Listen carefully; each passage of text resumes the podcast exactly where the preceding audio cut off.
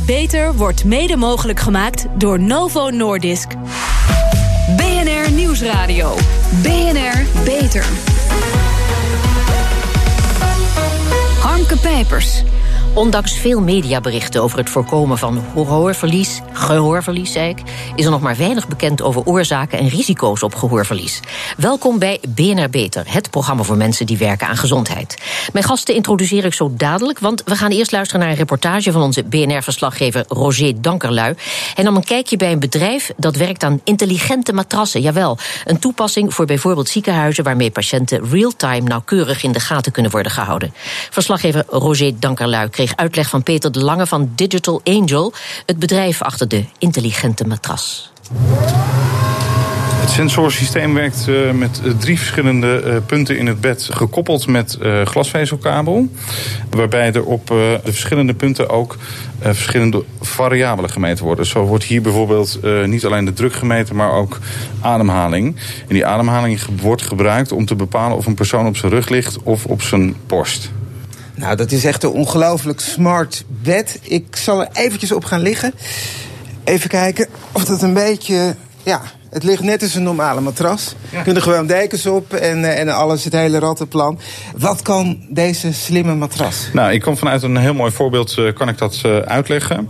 Uh, wat we in een van de pilots hebben gezien is dat er een, een vraag was... kunnen we inzicht krijgen, met name ook voor de nachtdienst. die nachtdienst die over het algemeen ja, met een kleine bezetting... een groot aantal cliënten verantwoordelijk voor is. en eigenlijk door een klein schermpje te laten zien van... Oh, dit is de status uh, van een persoon, of dit is de beweging van de persoon op een matras. Kan heel gerichte zorg verleend worden aan de personen die juist wel die zorg nodig heeft. Ja, want u heeft hier nu de mobiel, daar komt die data van deze matras op binnen. Ook ja. een groot scherm, dat kan bijvoorbeeld hangen in uh, de kamer van de verpleegkundige. Van en dan valt precies te zien, een patiënt die ligt zoveel minuten op zijn rug. Ja. Die linkerzijde, rechterzijde, buik, dat is allemaal, wordt allemaal gemonitord. Wordt allemaal gemonitord, inderdaad. En op het moment dat je uh, dus inderdaad uh, te lang uh, op één zijde ligt, dan gaat er automatisch een alarm af. Al naargelang hoe uh, vanuit het behandelplan uh, het portaal of het systeem is ingesteld. Bijvoorbeeld een doorlichtplek of zo, moet je ja. niet te lang op liggen, dan moet je even bewegen. Precies. Maar dan valt te kijken van nou moeten we die patiënt, patiënt omdraaien of is hij zelf al gedraaid. Wat we terugkrijgen ook vanuit de zorginstellingen is die zeggen... Uh, ja, is eigenlijk best wel een lange periode per dag dat men uh, slaapt. Uh, er gebeurt een hoop tijdens de slaap, maar we weten eigenlijk niet heel goed wat. Dus kunnen we daar meer inzicht in creëren... zodat we ook vanuit dat, die informatie een beter of, en een persoonlijker behandelplan kunnen samenstellen voor de cliënt. er is al een zorgrobot die bijvoorbeeld oudjes gymnastiektraining geeft. De smart telefoon, die bestaat natuurlijk al. Het smart bed. Komen nog meer ontwikkelingen? Ja, we zien natuurlijk in, uh, in Nederland, uh, ja, er wordt gebruik gemaakt van een scootmobiel. Dus kunnen we een scootmobiel uh, kunnen we die slim maken.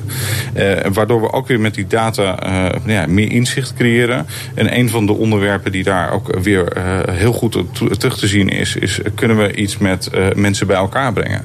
Want uiteindelijk zie ik uh, als, als persoon ook, uh, nou ja, waar rij ik, maar waar rijdt een ander. En misschien kunnen we daar samen iets mee doen. Om ook weer vanuit het perspectief welzijn van de cliënt, uh, mensen bij elkaar brengen. Het eenzaamheidsonderwerp, wat natuurlijk absoluut een groot probleem is in Nederland. om dat nou, beter te maken. U hoorde Peter de Lange van Digital Angel in gesprek met BNR-verslaggever Roger Dankerlui. Ja, we gaan praten over de risico's van gehoorverlies. Een groot probleem, want gehoorverlies is onomkeerbaar en het aantal mensen met gehoorproblemen zal in de komende jaren, zo is de verwachting, flink toenemen. En daarbij worden de gevolgen van gehoorverlies voor het sociale leven en het werk sterk onderschat. Mijn gasten vandaag: Wendy Huink, spraaktaalpatholoog op de afdeling KNO van het Radboud UMC in Nijmegen, en René van der Wilk, en hij is psycholoog. Ja, mevrouw Huink, we zeiden het al, gehoorverlies is onomkeerbaar. Hoe werkt dat precies? Wat, wat functioneert er dan niet meer in het oor? Ja, het gehoor bestaat eigenlijk uit uh, drie onderdelen: het binnenoor, helemaal achterin, het middenoor en het uitwendige gehoor. En met name de onomkeerbare gehoorverliezen zien we heel vaak in het binnenoor. Ook kan dat in het middenoor een probleem zijn. Maar eigenlijk is het de, de haarcellen in het slakkenhuis, dus in dat binnenoor, die kunnen niet meer goed het geluid overgeven aan de hoorzenuw. Ja, zeg, en gehoorverlies wordt meestal veroorzaakt door omgevingsfactoren, heb ik begrepen. Maar zijn er ook erfelijke vormen van gehoorverlies? Ja, dat klopt. Er zijn uh, verschillende erfelijke vormen van gehoorverlies. Uh, vaak uh, kennen we het verloop ervan en heel vaak ook niet. Dus een, een, aantal is al bekend en weten we dat die er zijn. En van een hele hoop denken we dat het een erfelijke vorm is, maar zijn ze nog niet als zodanig erkend. Ja. Meneer Van der Wilk, uit onderzoek blijkt dat 42% van de Nederlanders zich zonder gehoorbescherming blootstelt aan potentieel gevaarlijke geluidsniveaus van bijvoorbeeld muziek op de iPhone of tijdens concerten. Nou, er wordt heel veel voor gewaarschuwd, maar ik begrijp dat u dat wat overdreven vindt. Hoezo? Nou ja, kijk, allereerst is het wel heel goed om te beseffen dat ons gehoororgaan een hele bijzondere weegschouw is. Waar je bij een mhm. postzegel kan wegen, ook een vrachtwagen. Dus zo'n hele bijzondere eh, gevoelige weegschouw kan natuurlijk eh, schade um, oplopen. Ja. En uh, in ons leven krijgen we ook uh, andere factoren die tot schade, ehm, tot gehoorschade leiden. Ja. Um, alleen het lastige is met gehoorschade door vrije tijdslawaai dat daar nog tot op heden vrij weinig bewijs voor is. En we weten dus eigenlijk ook niet hoe vaak je nou eigenlijk per jaar naar een, een concert toe kan gaan zonder gehoorschade op te lopen. Oh. En daarbij zijn er ook nog individuele verschillen. Dus er zijn mhm. wel mensen die gaan één keer naar een popconcert en die houden daar uh, tinnitus aan over of gehoorschade. Maar gemiddeld genomen, gemiddeld genomen uh, zie je dat er relatief uh, weinig schade optreedt in ah, de onderzoeken. Dus u vindt het inderdaad wat overdreven? Uh, het is niet nodig om iedereen angst aan te praten voor gehoorschade op dit moment. Maar als je nou iedere maand, ik doe maar wat hoor, naar een concert gaat met meer dan 80 decibel en je gaat dagelijks hardlopen met harde muziek op zo'n oortje, dat doen heel veel mensen. Waar ligt dan de grens? Ja, dat is heel lastig te zeggen, omdat uh, uh, schade wordt, aan het gehoor wordt bepaald zowel door de intensiteit als de duur. Bij 80, 85 dB moet je uh, vijf jaar dag in dag uit in werken om gehoorschade van te krijgen. Maar als je bij 120 of 130 dB gaat staan, of, of harder, dan kan het zelfs een hele korte tijd gehoorschade opleveren. Mm -hmm. Dus zodra er goed rekening gehouden wordt bij de concerten met het maximale geluidsniveau, is de kans op gehoorschade niet zo groot. En je moet niet al te dicht bij de luidsprekers gaan staan. Ja. Mevrouw Huink, u werkt op de KNO-afdeling in het Radboud UMC, zeiden we al. U ziet vooral patiënten die ernstig gehoorverlies hebben. Wat is de meest voorkomende oorzaak van gehoorverlies bij deze patiënten? Ja, dat varieert natuurlijk, maar een groot deel is inderdaad toch erfelijk. Uh, maar ook mensen die bijvoorbeeld een ongeval hebben gehad, waardoor schade aan het uh, gehoor is ontstaan. Uh, of door autotoxische medicatie. Dus het, zijn, het is heel gevarieerd. Ja. Maar het is wel heel vaak familiaire aanleg. Ja. En, en meneer Van der Wild, mensen met die matige gehoorproblemen hebben, dus een andere categorie, zogenaamde ouderdomslechthorendheid heette dat mhm. ook, uh, die wachten gemiddeld 7 tot 10 jaar voordat ze professionele hulp zoeken. Dat is niet verstandig, want uh, ja, er kunnen allerlei problemen optreden, maar ze willen er niet aan, hè? Nee, we zien inderdaad dat mensen vrij lang wachten met het, het zoeken van uh, hulp ervoor. Dus met de hoorrevalidatie. Dat is erg jammer. Ja. Um, omdat je ziet dat daar psychosociale problemen gaan ontstaan. Mensen gaan minder vaak naar verjaardagen toe. Um, uh, niet meer in een restaurant eten, omdat daar de akoestiek vaak uh, slecht is en het lawaai-niveau te hoog. Waardoor ze zich steeds meer gaan isoleren. En waardoor, ze dus ook uiteindelijk minder contact met anderen krijgen. En waardoor, waardoor ze ook minder, zich, ehm, minder communicatie met anderen hebben. Ja, en ik las, en dat was volstrekt nieuw voor mij, dat uh, als je er niets aan doet en gehoorproblemen hebt, dan uh, kun je cardiovasculaire problemen krijgen. Door bijvoorbeeld roken, medicijngebruik, antibiotica. Dat is allemaal niet goed voor je gehoor. Maar het, het levert ook een groot risico op op Alzheimer. Dat is nieuw voor mij. Vertel.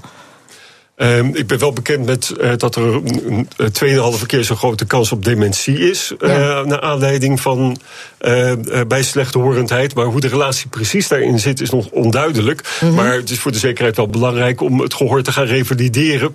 omdat de, de, we zien ook dat er cognitieve achteruitgang in de hersenen plaatsvindt door ja. slechte horendheid. En of dat nou Alzheimer is of iets anders. Maar ik heb begrepen dat uh, mensen die niet goed horen, die hebben al hun energie nodig om, te, om uh, te horen. En dat zou ten koste gaan van andere hersenfuncties. Dat zou de theorie zijn. Ja. Ja, je, je kan uh, uh, luistermoeheid krijgen door de, ja. door de hele tijd je in te spannen. Um, uh, ben je aan het eind van de dag veel moeier. En dan is het ook veel lastiger om je nog te concentreren op, op andere zaken. Ja. En, so en ook voor sociale uitjes te gaan doen. Ja. Zeg, één op de tien mensen heeft gehoorverlies. En maar vier van die tien mensen maakt gebruik van een of andere gehooroplossing. Terwijl mensen, als ze slechtziende schaffen ze meteen een bril aan, liefst een hippe bril. Heel veel mensen willen er niet aan, willen niet zo'n duidelijk zichtbaar ding achter een oor. Want ik citeer nu een oude opstandige kennis van mij. Die zegt: met zo'n oude lullen ding ga ik niet naar de bakker. Ja, meneer Van der Wilk. Ja, het is jammer dat als je tegenwoordig kijkt in, de, in krantenartikelen... dan komen altijd van die hoortoestellen van 10, 15 jaar geleden op de foto te staan. Terwijl tegenwoordig zijn die hoortoestellen hele mooie hippe headsetjes... die ja. eigenlijk te veel fraaier uitzien dan de, de headsetjes, de Bluetooth-headsets... die bij de smartphones zitten. Ja. En je kan er tegenwoordig draadloos eh, mee bellen, je kan muziek ernaar streamen. Ja, maar er is iets fout met het imago. Hè? Het moet het imago hebben van een gadget, zodat oude ja, mannen ook willen ja. hebben. Zoiets toch? Ja, het is natuurlijk ook vaak is het nog gerelateerd, wordt het gerelateerd aan ouderdom. En, eh, en daardoor eh, willen mensen er ook niet zo snel aan. Ja, mevrouw Huink, het gaat vaak geleidelijk. Maar wanneer is het nou raadzaam om hulp te zoeken? Ja, um, eigenlijk met een klein gehoorverlies kan het al heel vervelend zijn. Mm -hmm. Dus op het moment dat uh, vaak de omgeving als eerste signaleert uh, dat het gehoor wellicht wat achteruit gaat, is het goed om, uh, om eens een test te doen. En dat kan in eerste instantie al bijvoorbeeld via de, de site van de Nationale Hoorstichting. En dan kun je zelf een testje doen, maar je kunt ook naar een audicien of ja, een stapje verder nog een audiologisch centrum. En daar kunnen ze het heel goed in kaart brengen. Ja. Ja, precies. Het is kennelijk een interessante markt. Want de commerciële kant is overduidelijk aanwezig in deze branche. Er valt veel te verdienen, ook online. Heeft dat invloed op de kwaliteit? Zitten daar ook gevaren aan, vroeg zij bezorgd? nou, wat bedoelt u precies daarmee? Nou ja, dat, uh, kijk, waar veel geld te verdienen is, uh, dan is het. Ik weet het niet. Het is een, uh, een, vrij ongelimiteerde markt, lijkt het wel. Ja, het is natuurlijk altijd heel belangrijk dat zorg uh, transparant blijft. En dat we zorgen dat het echt voor de patiënt, dat we doen wat het beste is voor de patiënt. En dat dat uh, de drijfveer is en, en, en niet andersom. Ja. En ik denk dat we daar met z'n allen heel hard aan werken. Daarbij ja. staan heel veel audiciënsbedrijven op dit moment in het rood. Uh, doordat uh, de prijzen van de hoortoestellen de afgelopen jaren enorm gedaald zijn. Ja. Uh, mede door de zorgverzekeraars die contracten afsluiten met audiciëns. Ja, het is nu dat redelijk is goed een... geprotocoleerd. Dus het is niet zo dat iedereen zomaar een heel duur hoortoestel krijgt. De audiciëns nee. werkt via een protocol. Ja, maar als we praten over die online shops, daar kun je een gehoorapparaatje kopen voor 10 euro. Hè? Wat moeten we daarvan vinden?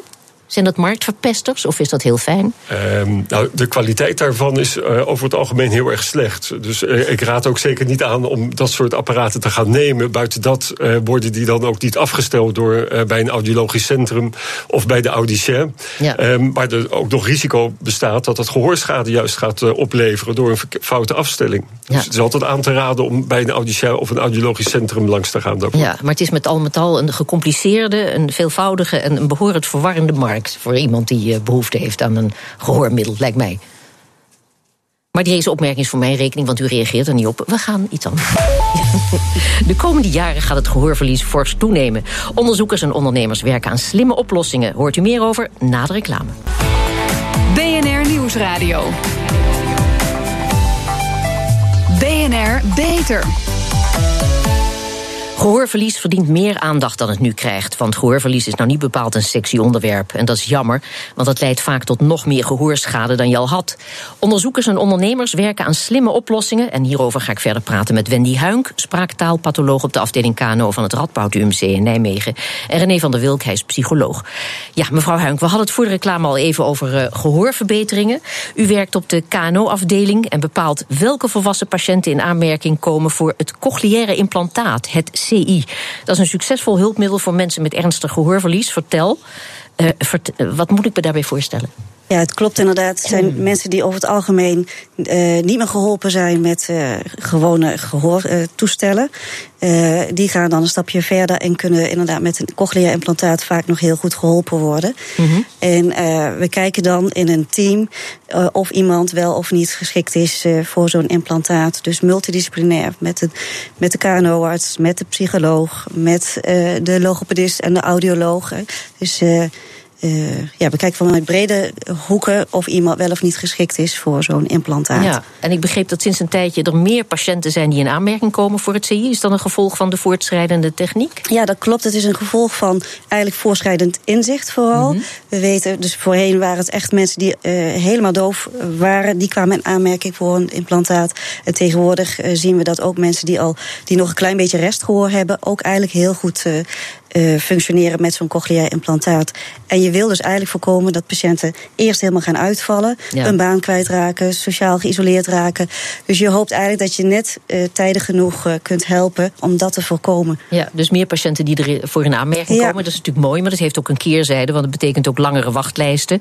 En dat is vooral voor patiënten met ernstige gehoorschade, heb ik begrepen, kan dat nadelig zijn. Hè? Klopt, ja, die wachtlijsten zijn echt wel zorgelijk, vinden ja. wij. Want patiënten moeten gewoon lang wachten voordat ze geholpen worden. En in die tussentijd zie je vaak dat er uh, ja, problemen ontstaan. Inderdaad, dat ze hun baan kwijtraken. Uh, de gevolgen zijn best wel ernstig vaak. Ja. Um, het probleem van de te lange wachtlijsten, hoe kan dat opgelost worden? Heeft u daar ideeën over? Wat zou er moeten gebeuren? Nou, de patiëntvereniging. We vragen dat aan bijna iedereen die te gast is in deze uitzending. Ja, de patiëntvereniging De Optie die uh, doet eigenlijk heel goed werk op dat vlak. Ja. Zij hebben eigenlijk de noodklok geluid. En zij maken zich natuurlijk uh, grote zorgen vanwege die wachtlijsten. En zij hebben een brief gestuurd, ook aan de minister en aan de NZA in alle raden van bestuur van de academische ziekenhuizen. eigenlijk met aandacht te vragen, met, om aandacht te vragen voor het probleem. En uh, naar aanleiding daarvan zijn ook gesprekken met de NZA. En uh, lijkt toch dat men het allemaal ook een belangrijk probleem vindt. Ja. Uh, dus het, we zullen het denk ik met elkaar moeten gaan oplossen. Ja. Met elkaar om de tafel. De erkenning is er, maar nou nog de rest. Ja. Zeg, het, het cochleaire implantaat is bestemd voor mensen met ernstig gehoorverlies. Maar u werkt ook aan zorginnovaties voor een bredere groep mensen met gehoorproblemen. Vertel. Um, nou, het, het, is natuurlijk zo dat er meerdere soorten implantaten zijn en, mm -hmm. en meerdere innovaties op dat vlak. Uh, mijn specialiteit is inderdaad cochleaire implantaten, maar bij ons op de afdeling heb je ander type implantaten die ook uh, worden toegepast bij patiënten met ander type gehoorverliezen. Ja. Dus, en daar wordt ook veel onderzoek naar gedaan. En, uh, Trouwens, bij het woord implantaat, ja, dat, dat zit dus in je. Ja. Waar zit dat dan? Waar ja. moet ik me nou precies bij voorstellen? Een cochleair implantaat, is, het, zegt, het woord zegt het eigenlijk al, de cochlea is het slakkenhuis. En ja. dat is dus echt het binnenoor. Dus helemaal binnenin, daar wordt een soort elektrode ingebracht... die rechtstreeks de hoorzenuw gaat prikkelen. Dus als je in het slakkenhuis, dus in die cochlea, een probleem hebt... Uh, dus dat het geluid niet goed wordt overgedragen naar die hoorzenuw, dan is een cochleair implantaat een heel goed hulpmiddel. Ja. Maar als je op een andere plek, hè, dus bijvoorbeeld in het middenoor een probleem hebt, dan kun je met een ander type implantaat uh, het geluid doorgeven. Ja. Meneer Van der Wilk, de innovaties voor gehoorverbeteringen zijn enorm. Hè? Niet alleen het bekende gehoorapparaat, maar inmiddels zijn er allerlei toepassingen op de markt. Ik begreep ruismaskeerders, hoorbrillen. Vertel, wat is er zoal? Um, nou, ruismaskeerders die worden vooral gebruikt voor mensen met tinnitus, met oorsuizen. Ah, ja. Die zitten vaak ook in de hoortoestellen. Ja. Uh, maar de huidige hoortoestellen die, uh, zijn zeer innovatief. Daar zitten richtingmicrofoons op, zodat je in geroezemoes uh, de gesprekspartner in een restaurant of op een verjaardag nog goed kan verstaan. Er zit lawaaireductie in.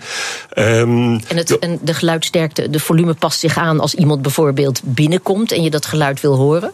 Uh, ja, geluiden op afstand worden meer versterkt en geluiden ja. dichtbij in verhouding minder versterkt. Ja. Dus daar zitten enorme... Maar ik begreep dat daar juist ook uh, het versterken van medeklinkers in een woord bijvoorbeeld. Ik kan me daar veel bij voorstellen, maar er zijn ook allerlei opvattingen over. Hè? Ja, er bestaat ook zoiets als syllabische compressie in hoortoestellen, waardoor juist de medeklinkers afzonderlijk versterkt kunnen worden ten opzichte van de klinkers. En de medeklinkers die bepalen ja, voor 95% het verstaan van spraak. Ja.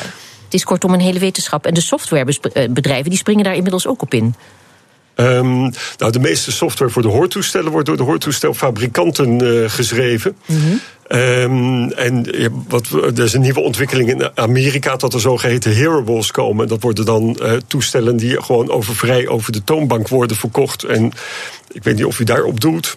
Nee, eigenlijk niet. Maar goed. Uh, wordt het oor, wat is een andere vraag, wordt het oor niet te lui van het te vroeg dragen van hoortoestellen? Ja, dat is juist een misvatting. Want wat je ziet is als je te lang wacht met uh, een hoortoestel uh, aanpassen en het hoor revalideren, is hier dat de cognitieve vermogens juist achteruit gaat. Dus sommige mensen denken dat. Hè. Use wordt... it or lose it. Ja, het is inderdaad alles wat rust, dat roest. Ja.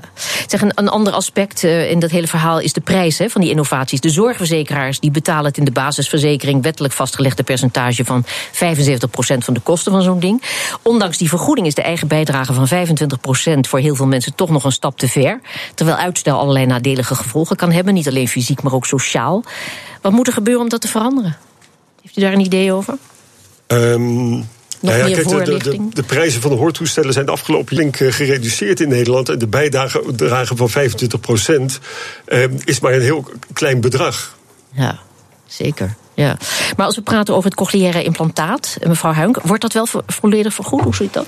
Ja, dat valt uh, onder de basisvergoeding, inderdaad. Het is wel zo dat uh, bezoeken aan uh, academische of überhaupt aan ziekenhuizen, medische zorg, daar ben je natuurlijk je eigen risico wel voor kwijt. Dus je, die kosten heeft de patiënt natuurlijk wel. Ja, maar goed, het, het, apparaat, want dat kost veel geld. Dus ja, iets van 22.000 euro of zo, zo'n soort bedrag. Ja, de processor, de oorhanger, die, eh, die kost inderdaad een paar duizend euro. En in die zin uh, is het. iets anders dan 22.000, eerlijk gezegd. Ja, ja, bij het inwendige deel is natuurlijk een ander eh, verhaal. Dat is ah, een stuk duurder, uiteraard, en de operatie.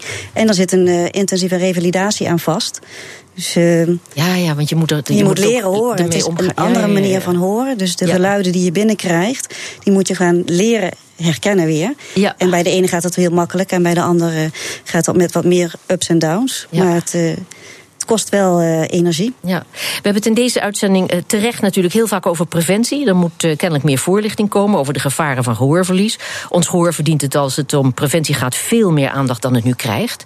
wat zou u beide onze luisteraars tot slot mee willen geven om gehoorverlies te voorkomen, mevrouw Henk? Ja, ik denk er zijn twee soorten eh, preventie. Dus de primaire preventie is zorg inderdaad dat je gehoor, dat je het gehoor spaart.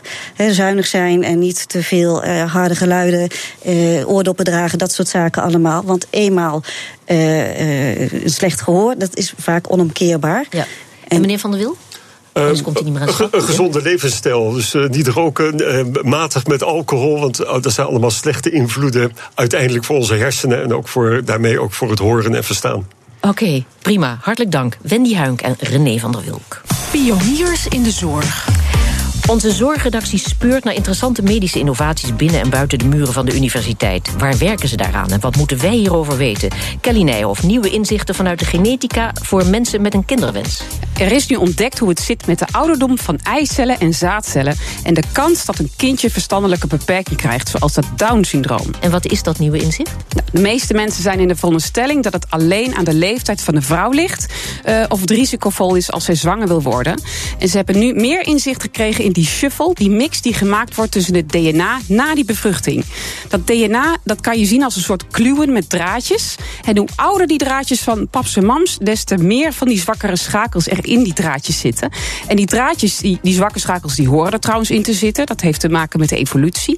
Maar het liefst dus niet te veel. Ja. En vaders die ouder zijn, geven grofweg vier keer meer kans om zwakke schakels mee te geven dan moeders met een hogere leeftijd. Zo, dat wisten we niet. Dus misschien dat zwangeren met een oudere verwekker in de toekomst ook een testje moeten laten doen, toch? Nou, zover is het nog niet, zei de onderzoeker. Het is uh, fundamentele wetenschap, maar dit biedt zeker meer inzichten in dat DNA. We luisteren even naar Christian Gillissen, geneticus in het Radboud UMC in Nijmegen. Het heeft heel veel inzicht gegeven in hoe het DNA uh, eh, verandert over generaties. En hoe foutjes ontstaan die tot ziekte leiden. Hoe ouder je bent, zowel als, als man als als vrouw, heeft impact op hoeveel kans er is op mutaties. Ja, je hoorde geneticus Christian Gillekes van het Radboud UMC in Nijmegen. Ja, de inbreng van de man is dus een zwakkere schakel dan we dachten. Dankjewel, Kelly Nijhoff. En tot zover deze uitzending van BNR Beter. U heeft een hoop om over na te denken. U kunt ons volgen op Twitter via BNR Lifestyle. Wilt u geen uitzending missen? Abonneert u dan op podcast via iTunes of Spotify... of luister terug via de BNR-app. Ik ben Harmke Pijpers. Graag tot een volgend spreekuur. BNR Beter wordt mede mogelijk gemaakt door Novo Nordisk.